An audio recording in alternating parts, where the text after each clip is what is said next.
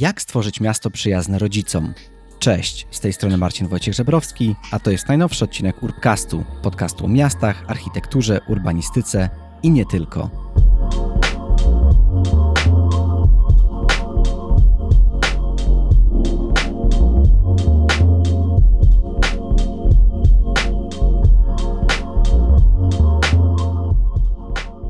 Cześć i witaj w kolejnym odcinku tego podcastu, który jest poświęcony miastom. A jeśli rozmawiamy o miastach, to myślę, że powinniśmy się przyjrzeć rodzicom, którzy w tym mieście, niestety, jeśli chodzi o polskie miasta, często mają się dość trudno odnaleźć. Dzisiaj rozmawiam z Agnieszką Krzyżak-Piturą, która jest fundatorką, założycielką, a także prezeską zarządu Fundacji Rodzic w Mieście. Jest także politolożką, a z zamiłowania socjolożką, a do tego przedstawicielką Fundacji w Radzie Warszawskiego Transportu Publicznego oraz Komisji Dialogu Społecznego do spraw transportu Miasta Stołecznego Warszawy.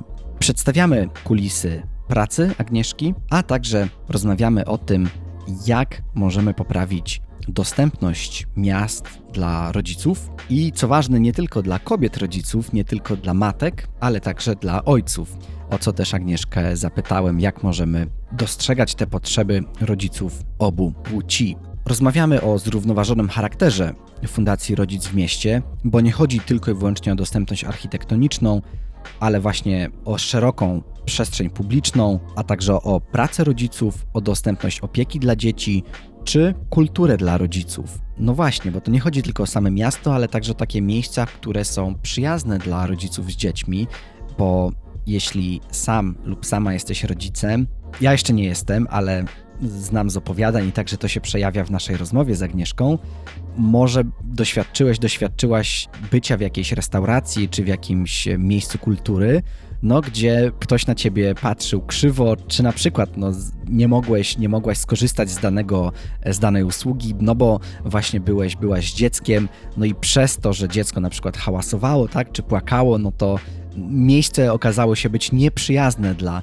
dla rodzica i o takich też miejscach, które właśnie działają na opak, czyli są przyjazne rodzicom, mówi Agnieszka, no bo ważne jest chyba to, żeby spojrzeć na tą całą sprawę dostępności dla rodzica w mieście, no tak holistycznie, tak, poruszyć wiele różnych aspektów. Dalej rozmawiamy o roli miejskich ulic w tworzeniu miasta przyjaznego rodzicom, ponieważ Agnieszka razem m.in. z Pawłem Jaworskim tworzyli w ramach Światowego Forum Miejskiego w Katowicach taki panel dyskusyjny poświęcony ich projektowi Ulice dla dzieci jako narzędzie tworzenia zrównoważonych miast, a także na sam koniec kończymy takim paradoksem suburbanizacji, czyli dlaczego tak jest, że rodzice, często młodzi rodzice w poszukiwaniu tego bezpieczeństwa i takiego azylu dla swoich dzieci decydują się na wyprowadzenie się poza miasto, na czym skazują siebie i potem te dzieci na ciągłe dojazdy i na brak dostępu do, do kultury, do usług. No i robią tak naprawdę szkodę, robią więcej złego niż dobrego w wielu przypadkach.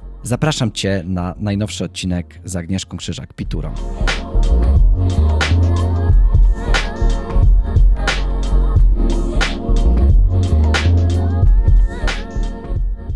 Myślę, że możemy zacząć od takiego zwykłego przywitania się i chciałem Ci podziękować za to zaproszenie, Agnieszka. Cześć. Cześć, ja też dziękuję.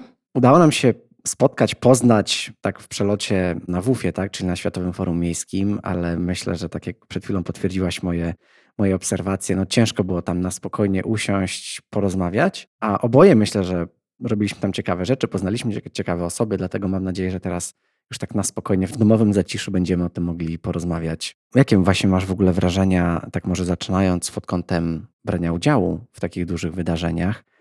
Czy to pomaga w Twojej pracy? Czy czerpiesz z tego jakieś inspiracje? Hmm. Wiesz co, z jednej strony mam jakieś takie poczucie, że, że WUF jest troszkę takim oderwanym od mojego świata wydarzeniem, że to jednak jest spotkanie na szczycie oficjeli i ludzi, którzy przyjeżdżają tam chyba bardziej towarzysko niż merytorycznie nawet jakoś e, rozmawiać. A jednocześnie mam takie przekonanie, że jak się chce w tym obszarze, w którym ja działam, czyli właśnie miejskim, rzeczywiście coś zmieniać i mieć wpływ, być traktowanym na serio, to w niektórych miejscach trzeba się pojawiać, ale też pojechałam tam z ciekawością właśnie, żeby zobaczyć jakiego rodzaju panele i dyskusje się tam odbywają. Kto tam przyjeżdża, okazało się, że, że było tam większość ludzi, których spotykam też w swojej pracy codziennej. Także myślę, jakby oceniam to doświadczenie jako ciekawe i cieszę się, że miałam okazję być na WUF-ie, bo pewnie szybko się kolejna tego typu okazja nie nadarzy. No właśnie, posłuchaj, ja z kolei cenię WUF za to, że mogłem poznać tam ciekawe inicjatywy, łącznie właśnie z twoją, czy z waszą, mhm. E, bo wcześniej wydaje mi się, że nie słyszałem o waszej fundacji, co też mnie dziwi, bo rzeczy, którymi się zajmujecie są mi bliskie, rzeczy, o które walczycie e, są też rzeczami, które są dla mnie istotne. No ale dopiero jakoś w okolicach właśnie tego wydarzenia zauważyłem wasze warsztaty razem między innymi z Pawłem Jaworskim i stwierdziłem, że będzie to też ciekawa rzecz do rozmowy. Także chciałem Cię tak na początku też właśnie dla tych, którzy nas słuchają, ale też może jeszcze nie spotkali się z Twoimi działaniami, Czym się zajmujesz na co dzień? Fundacja Rodzic w Mieście działa w e, takich trzech obszarach. Miasto, praca, kultura, które zmieniamy w, e, właśnie pod kątem potrzeb, realizacji potrzeb rodziców. To znaczy zajmujemy się wszystkim tym, co jest potrzebne rodzicom do dobrego i łatwego życia w mieście. My jesteśmy chyba dość młodą fundacją, wydaje mi się, mhm. bo działamy 4 lata, 4,5 już może teraz. A projekt, w którym e, byliśmy na WUF-ie, czyli projekt Nowa Szkolna Ulica, ale bo na WUF-ie prezentowaliśmy trochę szerszą ideę, czyli w ogóle koncepcję ulic dla dzieci i tego, w jaki sposób one mogą być narzędziem do realizacji działań w obszarze tworzenia, kreowania zrównoważonych miast, czy realizacji celów zrównoważonego rozwoju. To jest pierwszy taki nasz projekt w formie projektu, to znaczy takiego działania od A do Z, który realizujemy też ze środków finansowych, które pozyskaliśmy z grantu dla organizacji pozarządowych co pewnie ma jakiś wpływ na naszą znajomość czy rozpoznawalność w tym obszarze. Aczkolwiek strefa miasta i dostępności miejskiej to jest, y, to jest temat, którym się zajmujemy od początku działalności fundacji. Mocno zaczynaliśmy od tego, od ścisłej współpracy z Zarządem Transportu Miejskiego w Warszawie, który właśnie cztery lata temu powołał Radę Warszawskiego Transportu Publicznego, czyli taki organ, ciało doradcze składające się z y, przedstawicieli różnych środowisk, w tym organizacji pozarządowych, ale też przedstawicieli na przykład biznesu, świata naukowego, też przedsiębiorców. I my w takich dość regularnych, comiesięcznych y, obradach Rady tworzyliśmy rekomendacje dla Zarządu Transportu Miejskiego w Warszawie, których celem było otwieranie i dostosowywanie właśnie komunikacji publicznej miejskiej warszawskiej po to, żeby ona stała się tym wiodącym sposobem, w jaki warszawiacy poruszają się po mieście. Czy taka rada, jej działanie i to, że włącza się jednak osoby, czy jakieś ciała, jakieś fundacje spoza urzędu, to czy to jest ewenement na skalę Polski, czy nawet Europy, czy, czy słyszałaś już o, o innych takich radach i to jest tylko jakby powielenie jakiegoś, jakiegoś schematu? Wtedy, kiedy ta, rada powstawała w Warszawie, to ZTM mówił, że jest to pierwsze tego typu mhm. ciało. Warszawa później zrobiła też coś takiego pośredniego, to znaczy taki, nie pamiętam jaką to ma dokładnie nazwę, ale też taką formę takiego ciała kontaktu bezpośredniego z mieszkańcami, czyli nie jakby z przedstawicielami pewnych grup społecznych, tylko, tylko bezpośrednio z y, mieszkańcami. Natomiast jakby działalność Rady to jest jedna rzecz, w jaki sposób zarząd później do tego podchodzi i wdraża te rekomendacje to jest druga rzecz. Aczkolwiek mam wrażenie, że tutaj z, z warszawskim transportem publicznym ta praca szła całkiem sprawnie do momentu zmiany dyrekcji, mhm. bo w momencie, w którym ZTM zaczął być rządzony przez nową panią dyrektor, to to działalność Rady już przestała być w priorytecie uznawanym przez nią i nawet nie została rozwiązana, po prostu przestała obradować.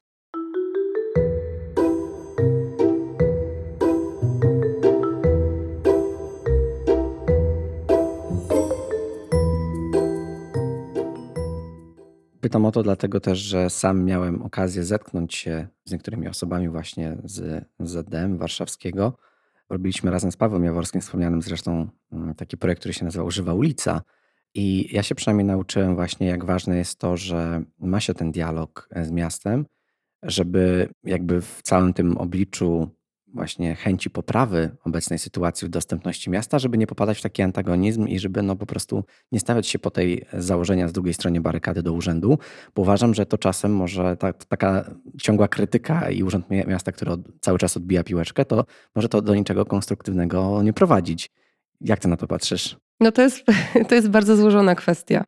Ja też tak uważam, to znaczy współpraca z różnymi jednostkami miejskimi, czy, czy też z instytucjami na poziomie rządowym, z którymi też współpracujemy, może mniej w obszarze miejskim, ale też również. Bierzemy na przykład udział w konsultacjach koncepcji rozwoju kraju 2050, który jest e, strategicznym dokumentem rządowym i, i też właśnie w, tam w tym obszarze, co prawda społecznym, ale on też mocno dotyka te wątki wyzwań, przed jakimi będziemy stać do 2050 roku, też mocno dotyczą oczywiście miast. Więc ja uważam, że taka współpraca na pewno i rozmowa jest potrzebna. Nie zmienia to faktu, że trochę w DNA organizacji pozarządowych, którą jest Fundacja Rodzic w Mieście, jest trochę patrzenie na to, co władza robi. I no jednak poddawanie, może nie zawsze krytyce, ale często się to do tego sprowadza, ale jakiejś weryfikacji tych działań. Jeszcze dokładając do tego specyfikę czasów, w których żyjemy, to znaczy też to, że niestety moje doświadczenia są też takie, że czasem bardzo długo trwa jakiś taki proces właśnie rozmowy z urzędami, konsultacji, takiej bardzo legislacyjnej ścieżki tworzenia czegoś, a jednocześnie często zdarza się tak, że jakieś rzeczy się dzieją po mocnej aferze na Twitterze. Mhm. Więc to jest z mojej perspektywy cały czas jakieś takie balansowanie pomiędzy tym, pomiędzy pokazywaniem, co należy zrobić, co często łączy się z tym, że się pokazuje, co jest źle robione, a próbą nawiązania jakiejś rozmowy, żeby jednak no, współpracować ze sobą. W tym kontekście nie mogę nie wspomnieć, ale podkreślam tylko, że wspomnieć, nie rozwijać tego wątku odnośnie tego, co powiedział pewien znany duński urbanista Michael Collill Andersen, który też skrytykował to, jak wygląda centrum Katowic podczas Światowego Forum Miejskiego i wywołało to pewną właśnie debatę, dyskusję, burzę może nawet, a zaczęło się właśnie od, od, od też wpisu na Twitterze, także ta krytyka, czy teraz chociażby inna bardzo popularna rzecz, czyli no właśnie opisywanie tego, jak wygląda niedawno oddany do użytkowania Plac Pięciu Rogów, ale ja bym chciał zostawić te rzeczy teraz, bo ja nie o tym chciałbym dzisiaj z Tobą porozmawiać. Ja chciałbym się skupić na tym, dlaczego Wy reprezentujecie właśnie w debacie publicznej właśnie rodziców żyjących w miastach, bo z tego co ja wiem, z tego co obserwuję, życie miejskie, szczególnie w Polsce, mają oni dość sporo wyzwań. No i to jest jedna z przyczyn. Fundacja powstała z e, dwóch powodów. Pierwszy to był taki, że to były moje, moje osobiste doświadczenia. To znaczy, w momencie, w którym urodziłam syna pierwszego, mieszkaliśmy wtedy w e, kompletnym centrum Warszawy, było przy Placu Konstytucji. Bardzo lubiłam to miejsce i nagle się okazało, że jakby pewnie jest to wątek ci obcy, ale kobiety, nie wszystkie, ale część w tym byłam ja, jakoś bardzo tak mentalnie, e, psychologicznie i z takiego też obszaru nie wiem, na przykład przystosowywania mieszkania, zakupu rzeczy, przygotowują się oczywiście do pojawiania się dziecka. I ja to też robiłam na tyle, na ile mogłam, czytałam i się na to przygotowywałam. A później się okazało, że jakby fajnie, ale to nie ma dużego znaczenia, bo największe wyzwania, z jakimi się spotykam w macierzyństwie, to jest właśnie miasto. Hmm. Nagle się okazało, że ten mój tryb życia, który prowadziłam, to znaczy właśnie bez samochodu, korzystając z transportu publicznego, robiąc zakupy w okolicznych sklepach, przemieszczając się pieszo, spacerując, nie wiem, korzystając z, z jakichś knajp y, od czasu do czasu, nagle się okazało, że z powodu tego, że mam przy sobie małego człowieka, to wszystko przestaje być dla mnie dostępne. Mm. I zwyczajnie zaczęło mnie to wkurzać, bo jakby nie widziałam się nigdy jako mama tylko i wyłącznie na placu zabaw albo właśnie zamknięta w czterech ścianach w domu z dzieckiem. No a druga rzecz tak, to jest taka, że dość szybko się zorientowałam, że nie ma takiego podmiotu, który by reprezentował mnie. To był już moment, kiedy Fundacja Mama kończyła swoją działalność, czyli taka organizacja, która no dość sporo robiła w takim temacie dostępności architektonicznej w hmm. Warszawie. No i oczywiście jakby znałam środowiska rowerowe, to już był taki moment, w którym się dużo mówiło o potrzebach osób poruszających się na wózkach na przykład. Natomiast miałam taką miałam takie przekonanie, że pomimo, że te interesy są w wielu momentach zbieżne, to jednak one się nie pokrywają w 100%. I tak powstał pomysł, chęć zrobienia czegoś, hmm. czegoś z tym, właśnie jakby oparta na, na zwykłej złości i niezgodzie. A że ja byłam od zawsze, od zawsze mówię, jakby odkąd zaczęłam studiować związane z organizacjami pozarządowymi, to była dla mnie jakaś taka wprost droga. Wiedziałam, jak one funkcjonują, na co mają wpływ, jak są ułożone właśnie w kontakcie z instytucjami rządowymi, samorządowymi. No i przyszła mi taka myśl, żeby właśnie założyć fundację i spróbować jakoś tak e, w bardziej zorganizowany i strukturalny sposób zmieniać to miasto. A później się, później się okazało, że to nie tylko Warszawa, bo te problemy są ogólnopolskie i nie dotyczą tylko miasta, ale na przykład czegoś na styku, czyli przemieszczania się pomiędzy domem, pracą, a miejscem opieki dla dzieci. Dość szybko pojawił się właśnie też wątek dostępności instytucji kultury, czyli tego, że no właśnie, jakby jesteśmy ludźmi i na przykład chodzimy do muzeów, galerii, mm, teatrów, bo po prostu to lubimy i nagle okazuje się, że z dzieckiem już nie możemy tego hmm. robić, bo nie jesteśmy tam mile widziani, bo, bo nikt nie myślał, że jesteśmy takim samym klientem jak, jak bez dziecka, tylko posiadającym trochę inne potrzeby. No i tak powstały te trzy filary naszej działalności. Myślę, że to postrzeganie, no właśnie tak jak ty mówisz też na swoim przykładzie, tej dostępności zmienia się potem, tak jak się zostaje rodzicem i dlatego też dostrzegamy wtedy więcej. Chciałem jeszcze poruszyć taki wątek, bo w tej właśnie debacie i, jakby wydaje mi się, że my jesteśmy ogólnie jako społeczeństwo coraz bardziej świadomi jakichś różnych przeszkód, e, jakiejś braku dostępności, z którą należałoby coś zrobić, ale bardzo często mówi się o tym w kontekście właśnie kobiet, tak? czyli matki przysłowiowej, matki z wózkiem, Chciałem się ciebie zapytać, no bo wasza, jakby też nazwa waszej fundacji to nie jest matka z wózkiem, to jest rodzic i w mieście i, i to mnie bardzo cieszy, więc jak te potrzeby mężczyzn są przez was jakby adresowane, czy, czy właśnie są one dostrzegane też? Mężczyzn, rodziców mam na tak, myśli. Tak, mężczyzn, rodziców. Masz rację co do nazwy fundacji i to było celowe założenie, bo od początku chcieliśmy reprezentować nie tylko mamy, ale też właśnie ojców.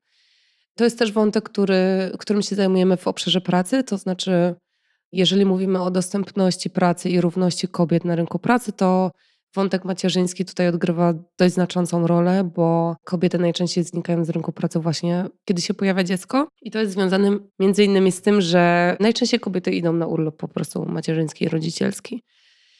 No i jeżeli chcemy to zmieniać, to znaczy chcemy zachęcać ojców do tego, żeby się tym urlopem jakoś bardziej równo dzielili z kobietami, swoimi partnerkami, żonami, no to myślimy, musimy też myśleć o tym, że oni się będą coraz częściej pojawiać w przestrzeni publicznej, co się też dzieje. A w związku z tym ich potrzeby, chociażby związane z przewijakami w toaletach męskich, albo, co jest jeszcze lepszym rozwiązaniem, w ogóle tworzeniem toalet rodzinnych, mm. czy właśnie myśleniem też o nich jako o klientach instytucji kultury. Chciałem właśnie porozmawiać o tym zróżnicowanym charakterze Fundacji Rodzic w mieście, dlatego, że to nie dotyczy tylko i wyłącznie jakby przestrzeni publicznej. To nie jest tak, przynajmniej z tego co ja rozumiem, to nie jest tak, że wy się na przykład skupiacie na barierach różnych architektonicznych, no i walczycie o to, żeby były bardziej te miejsca dostępne, tylko właśnie, tak jak wspomniałaś już, to wychodzi dużo szerzej. Czyli to jest takie bardziej holistyczne podejście, bardziej mm, takie patrzenie z perspektywy, mm, to się mówi e, bird's eye view, tak? Czyli z takiej perspektywy dalszej helikoptera, tak? Bo jest to też praca, ale jest to też dostępność różnych miejsc e, dla dzieci, ale także opieki opieki dla dzieci czy kultury dla rodziców, tak jak już wspomniałaś. I mając jednak te, te kilka takich działań, które re realizujecie, czy któreś z nich jest dla Was priorytetowym? Hmm, to jest trudne pytanie, bo chyba wszystkie uważamy równie ważne. Jest tak, że pewne obszary mają swoje takie fale zainteresowania. Na przykład teraz E, mocno pracujemy w obszarze pracy, czyli właśnie tych urlopów rodzicielskich, co jest związane z tym, że Polska jest zobowiązana do wdrożenia unijnej dyrektywy zwanej dyrektywą Work-Life Balance, która właśnie narzuca zmianę tego rozwiązania, które teraz jest w Polsce, więc mocno w nim działamy. Jeśli chodzi o obszar miejski, no to teraz też bardzo dużo się mówi właśnie o zrównoważonych miastach. Są te SDGsy, które też są realizowane przez różne podmioty, w tym miasta, ale też firmy, więc jakby staramy się tutaj też wpisywać w te pewne fale, nie wiem, trendy czy mody, y, zagadnień, które są generalnie ważne w przestrzeni publicznej.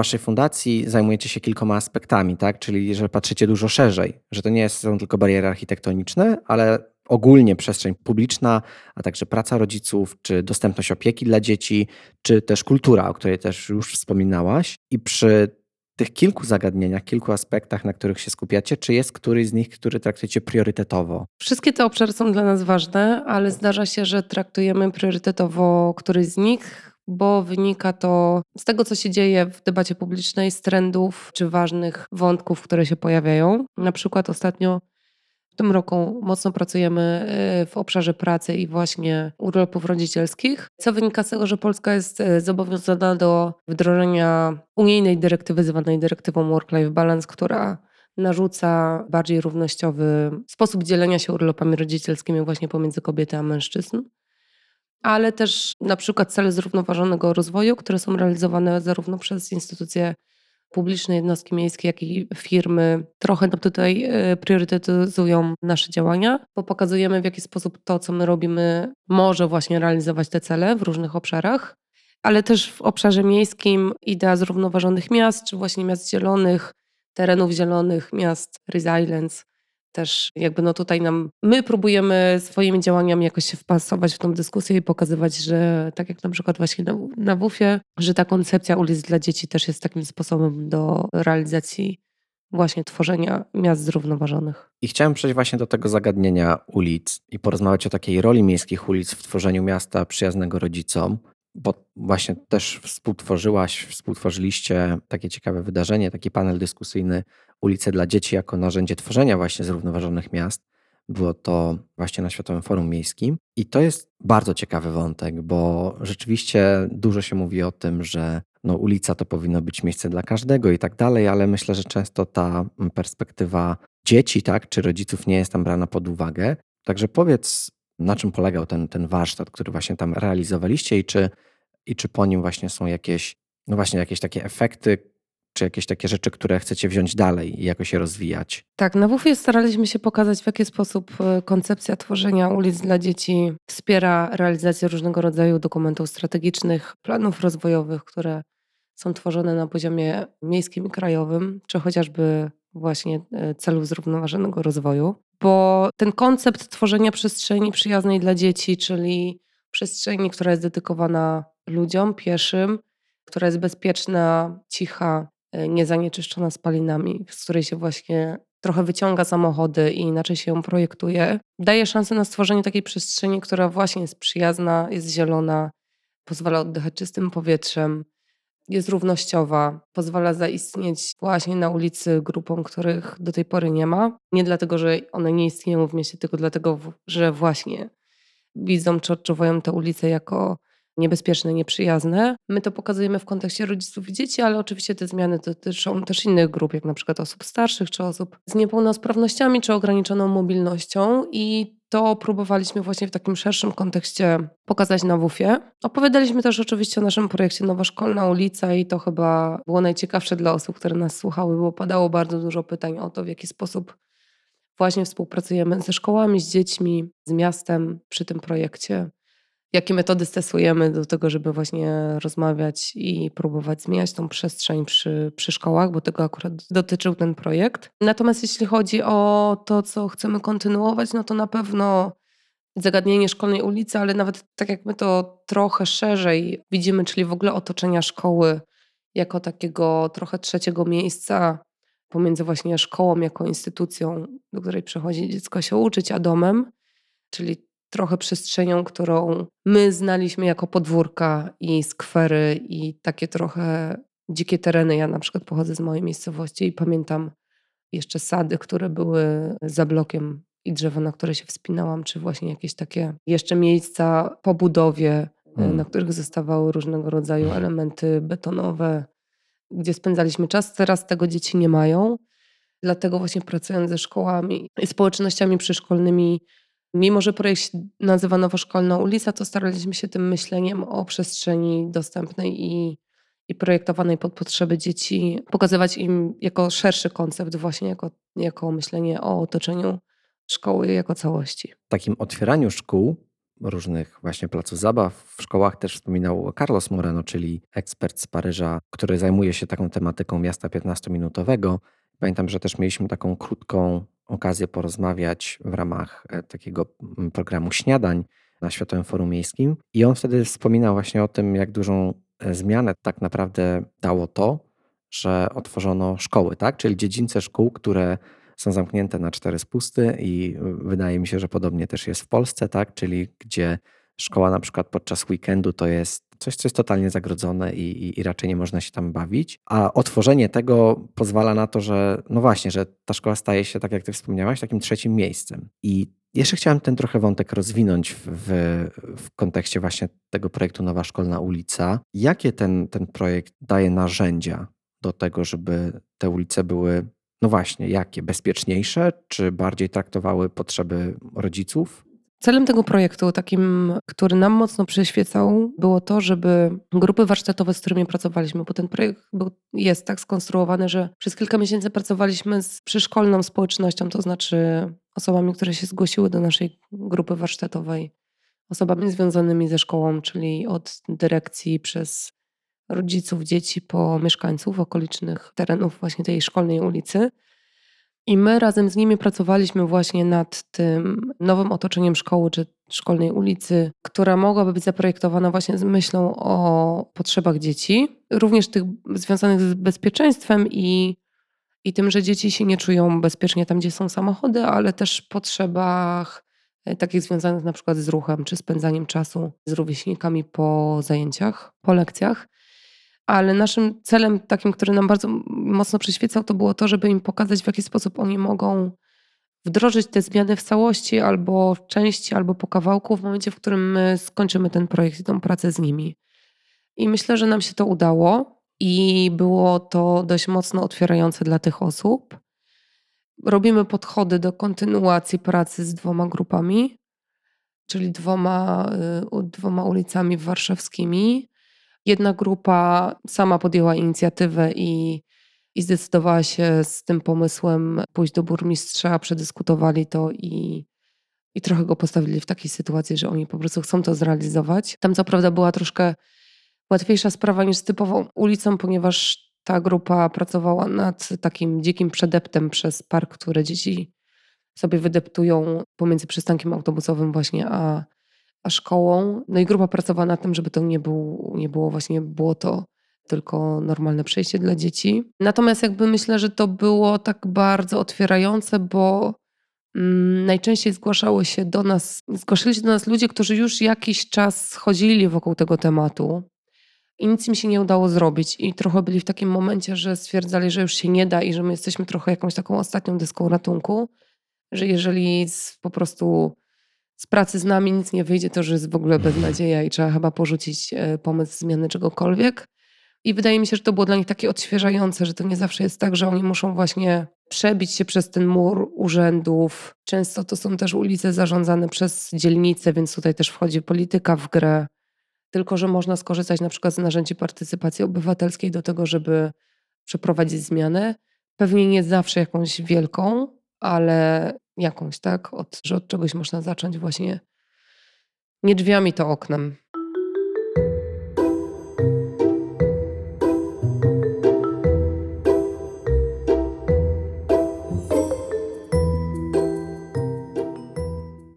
Mamy przed sobą, rozmawiając tutaj, też broszury. Jest to na przykład Bezpieczna droga do szkoły Twojego dziecka, czy do szkoły bez samochodu, czyli taka broszura dla nauczycieli. Czy to jest tak, że te rzeczy, które wy tutaj opisujecie, to dowolna szkoła może sobie po prostu je wziąć i spróbować u siebie wdrażać. Poszukam właśnie też takich narzędzi, którymi można by się też podzielić, żeby te ulice stawały się, te właśnie szkolne ulice stawały się bezpieczniejsze i bardziej przystosowane do, do tych różnych użytkowników, bo no zastanawia mnie, jak teraz myślę o, o, takim podejściu do ulic dla dzieci, tak? No to właśnie tak jak, tak jak wspominałaś zresztą, możemy dbać o jakieś aspekty bezpieczeństwa, tak? Czy na przykład tą jezdnię jakoś próbować esować, tak? Czyli zmieniać jej kształt tak, żeby te samochody same z siebie zwalniały. Czy to chodzi o takie właśnie bardzo fizyczne, techniczne aspekty, czy może o coś, o coś zupełnie innego? O jedno i drugie. Zacznę od tych narzędzi, o które pytałeś. Tą broszurę, którą masz przed sobą, to jest taki materiał, który zrobiliśmy z myślą o nauczycielach którzy mogą z tego zaczerpnąć jakąś taką wiedzę i inspirację do tego, żeby zacząć rozmawiać z dziećmi na temat tego, w jaki sposób e, można się poruszać w codziennej drodze do szkoły i że niekoniecznie samochodem. I jaki to ma wpływ na różne aspekty, bo poruszamy tutaj zarówno aspekt ekologiczny, jak i społeczny, ale też na przykład zdrowotny. Efektem projektu Nowa Szkolna Ulica będzie też opublikowany prawdopodobnie we wrześniu raport, trochę podręcznik. Jeszcze nie wiem, jak to adekwatnie nazwać, ale to ma być właśnie taki takie narzędzie dla różnych grup bądź osób, które chciałyby realizować podobnego typu działania w swojej lokalnej społeczności, w którym właśnie po pierwsze opiszemy trochę to, co to w jaki sposób my pracowaliśmy w tym projekcie z grupami. Opiszemy trudności, z którymi się spotykaliśmy, ale też różne zmienne, które wpływają na powodzenie pracy takiej grupy i, i efektów pracy. I to ma być właśnie takie narzędzie, które może wziąć do ręki każdy, ono będzie bezpłatnie do pobrania ze strony i zacząć coś robić w swojej społeczności. Natomiast to, co mocno wybrzmiało przy realizacji Nowej Szkolnej Ulicy, to jest fakt, że jakby twarde zmiany na pewno, bo trochę my też w tym projekcie staraliśmy się pokazać, że jeżeli chcemy dokonać jakiejś zmiany, to ona rzeczywiście musi być realna, czyli musi być namacalna, musi rzeczywiście robić jakąś taką różnicę, bo bez tego trudno trochę wymusić opinię ludzi na temat tego, co oni by chcieli, czego by chcieli, czy ta zmiana, którą my proponujemy, im się podoba. Dlatego my w tym projekcie prawie z każdą grupą, bo z, z czterema, z pięciu zrobiliśmy tak zwany eksperyment, to znaczy to, co wypracowywaliśmy na papierze, czy w jakichś tam dyskusjach, projektach przenosiliśmy na żywy organizm, żeby zobaczyć, jak to zadziała i mhm. wtedy zapytać ludzi, jak oni się czują z tą zmianą, czy to jest coś, co co spełnia ich potrzeby, czy oni w ogóle myśleli o tym, że ta przestrzeń może wyglądać inaczej, czy się nigdy nad tym nie zastanawiali, jak się z tym czują. Natomiast bardzo dużo mam wrażenie, że jest do zrobienia na poziomie świadomości i w ogóle myślenia o tym, że my dorośli możemy trochę odpuścić ze swojej głównie wygody, bo to się najczęściej do tego sprowadza na rzecz y, dzieci, czyli takiej grupy, która się o swoje prawa nie upomina, bo jeszcze jest za mała albo nieświadoma tego, że może. I to zarówno na poziomie rodziców, ale chyba nawet nie tak bardzo rodziców, co nauczycieli wybrzmiało i również dyrekcji bo trochę to jest tak, że nauczyciele widzą szkołę nie tylko w takiej obszarze jakby misji społecznej i takiego miejsca, które jest ważne dla dzieci, ale też widzą mocno to jako swoje miejsce pracy i chcieliby też czerpać z różnych benefitów i przywilejów, które im się należą jako pracownikom zakładu mhm. pracy mhm. zwyczajnie. A jednak w naszej kulturze na przykład możliwość zaparkowania samochodu pod pracą jest jednym z takich benefitów, nadal uznawanych za dość ważny i te rozmowy z nauczycielami właśnie, że, że oni mogliby zrezygnować z tej wygody podjeżdżania codziennie samochodem pod, e, pod szkołę, po to, żeby dzieci mogły korzystać z tej przestrzeni jakoś inaczej, było chyba najtrudniejsze w tym projekcie. Podkręćmy to jeszcze trochę, bo chciałem poruszyć jeszcze bardziej może taki skomplikowany wątek, który wiąże się bezpośrednio z tą wygodą, bo na koniec chciałem jeszcze porozmawiać o takim paradoksie suburbanizacji, czyli takiego naszego poszukiwania bezpieczeństwa, Szczególnie tak, często taki scenariusz, młodzi rodzice chcą zapewnić e, swojemu dziecku czy dzieciom taki, takie maksimum bezpieczeństwa, więc wyprowadzają się poza miasto, żeby mieć dostęp do swojego ogrodu, dla swoich dzieci, no ale jednocześnie pogłębiając w ten sposób takie problemy komunikacyjne, społeczne czy środowiskowe, no bo potem wszędzie tym samochodem trzeba dojechać. I jak rozmawiać o ulicach dla dzieci jako takim narzędziu właśnie w kontekście suburbanizacji która cały czas postępuje, no bo chcemy właśnie tą wygodę, o której mówiłaś, że tak trudno się jej nam pozbyć. Nie wiem, czy to będzie kontrowersyjne, czy nie. Natomiast ja tutaj osobiście jestem zwolenniczką jednak jasnej i konsekwentnej polityki rządu bądź samorządu. To jest tak, że w badaniach gusowskich, które na przykład robi Ministerstwo Pracy, wychodzi, że większość Polaków młodych chciałoby mieszkać właśnie w domu z ogródkiem pod miastem i mieć psa, czyli jak w reklamie. Pytanie jest tylko, czy jakby to, że ludzie mówią, że to chcą, to po pierwsze to jest rzeczywiście to, czego chcą, to znaczy, czy oni wiedzą, z czym to się je, to jest jedna rzecz, a druga rzecz to jest, czy my, to znaczy państwo, społeczeństwo, powinniśmy im to jakby dawać. To znaczy, czy jeżeli ktoś czegoś chce, to powinien po prostu to jakby mieć reali możliwość realizowania tej swojej potrzeby. Przytoczę też inne badania, które są mocno w naszej fundacyjnej działalności obecne, to znaczy większość młodych Polaków i to równo na poziomie kobiet i mężczyzn deklaruje, że chce mieć rodzinę z minimum dwójką dzieci. Natomiast w momencie, w którym się pojawia pierwsze dziecko, to ten współczynnik mocno spada i spada głównie u kobiet. I to trochę pokazuje, że to, co sobie myślimy o tym, jak będzie wyglądało nasze życie, jak będziemy mieć dzieci, albo właśnie mieszkać z nimi pod, y, pod miastem, niekoniecznie później wygląda tak samo w rzeczywistości. Tylko nie jesteśmy w stanie tego przewidzieć, dopóki się o tym nie przekonamy, to znaczy dopóki nie zetkniemy się z tymi codziennymi problemami, na przykład dojeżdżania czy dowożenia dziecka samochodem wszędzie, tak? Bo nie tylko do szkoły, ale później też na spotkanie ze znajomymi i tak dalej, i tak dalej. I ja uważam, że tutaj właśnie jasna, zadeklarowana i konsekwentnie prowadzona polityka rządowa i samorządowa powinna prowadzić po pierwsze do tego, żeby mówić ludziom, że niekoniecznie to są dobre rozwiązania i pokazywać dlaczego, a po drugie powodować, żeby życie w miastach było na tyle wygodne, żeby ludzie nie mieli potrzeby ważenia, czy ono jest y, na tyle wygodne, czy jednak nie i wolę te dwie godziny dziennie spędzać y, na dojeździe albo i więcej. Ja osobiście uważam, że być może to jest jakoś idealistyczne, ale że da się stworzyć takie miasta, w których ludziom się będzie chciało żyć, w którym będzie im się dobrze żyło również z dziećmi. No bo jakby rodzice potrzebują pewnej struktury, bez której trudno jest funkcjonować, tak? To znaczy nie żyjemy już w rodzinach wielopokoleniowych, więc potrzebujemy opieki dla dzieci. Żeby ją mieć dostępną, no to jednak łatwiej jest mieć dostępną ją w mieście, czy w postaci żłobka, przedszkola, czy nawet kogoś, kto to, tą opiekę będzie nam świadczył, czyli na przykład niania, tak? czy pomoc domowa, niż jak mieszkamy pod miastem.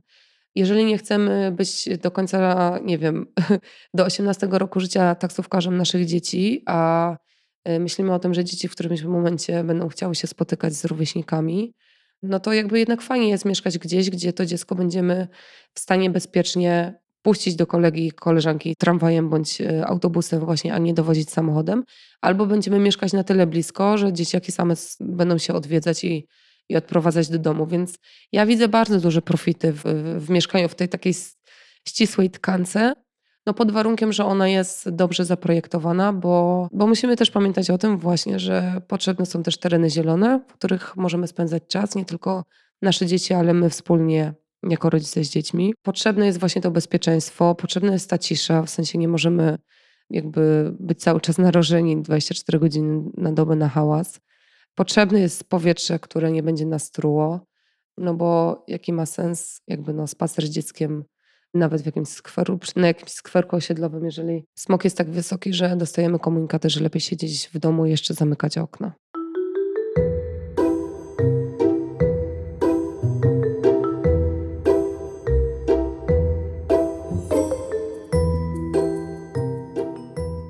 Ja też z założenia jestem optymistą, w niektórych kwestiach może też nawet idealistą, tak jak ty wspomniałaś. Wierzę w to, że, że może być jednak lepiej w naszych miastach i że też, też wasze działania e, ku temu prowadzą.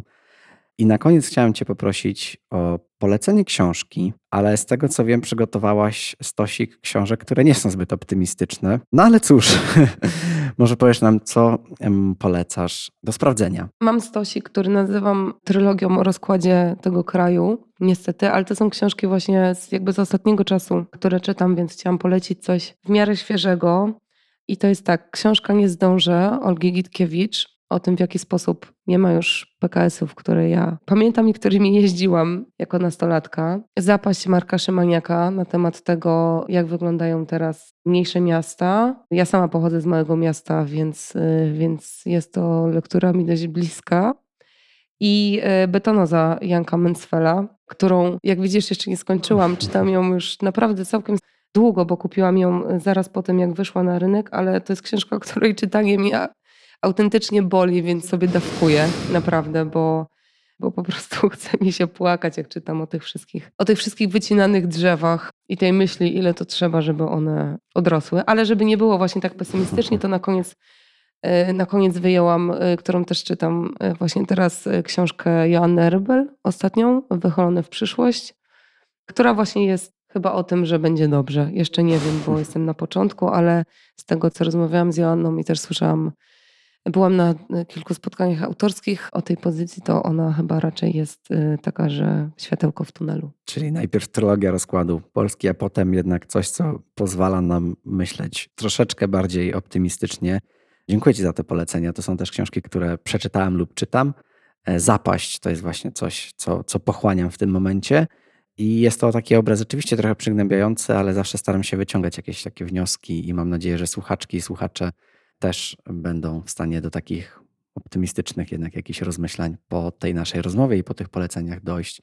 Także dziękuję Ci. Mamy nadzieję. E, dziękuję Dzięki. Ci i za te polecenia, i za tą rozmowę, którą udało nam się doprowadzić do końca. Tak. pomimo pewnych przeszkód. Ale słuchaj, cieszę się, że się nam udało spotkać. Też się cieszę. I osobiście tylko przyznam na koniec, że kibicuję też waszym działaniom i mam nadzieję, że e, to nie jest nasze ostatnie spotkanie. Również mam taką nadzieję. Dzięki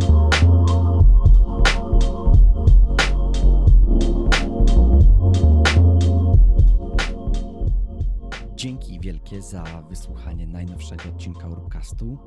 Jeśli jeszcze tego słuchasz, dziękuję Ci za to. Jeśli ten odcinek Ci się podobał, to myślę, że będzie najlepiej, jeśli prześlesz go do znajomego rodzica.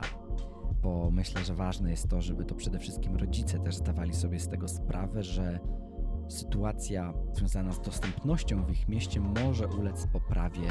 No właśnie, jeśli będziemy działać razem e, na rzecz e, tejże poprawy. Jeśli jeszcze w jakiś sposób chciałbyś lub chciałabyś dołożyć cegiełkę do powstawania tego podcastu, to bardzo serdecznie zapraszam Cię na Patronite. To jest taki serwis, gdzie możesz wesprzeć Urbcast dowolnie wybraną przez siebie kwotą miesięcznie nawet za cenę połowę kubka kawy czy filiżanki espresso możesz wesprzeć Urbcast, a ja dzięki temu niezależnie będę dalej tworzył i dalej mógł też pokrywać koszta, bo nie oszukujmy się, tworzenie takiego podcastu na bieżąco przez już ponad dwa lata to też dość spore koszta, więc będę Ci wdzięczny, jeśli w taki sposób wyrazisz takie swoje wsparcie dla, dla tego, co robię. Dziękuję Ci bardzo i do usłyszenia w kolejnym odcinku.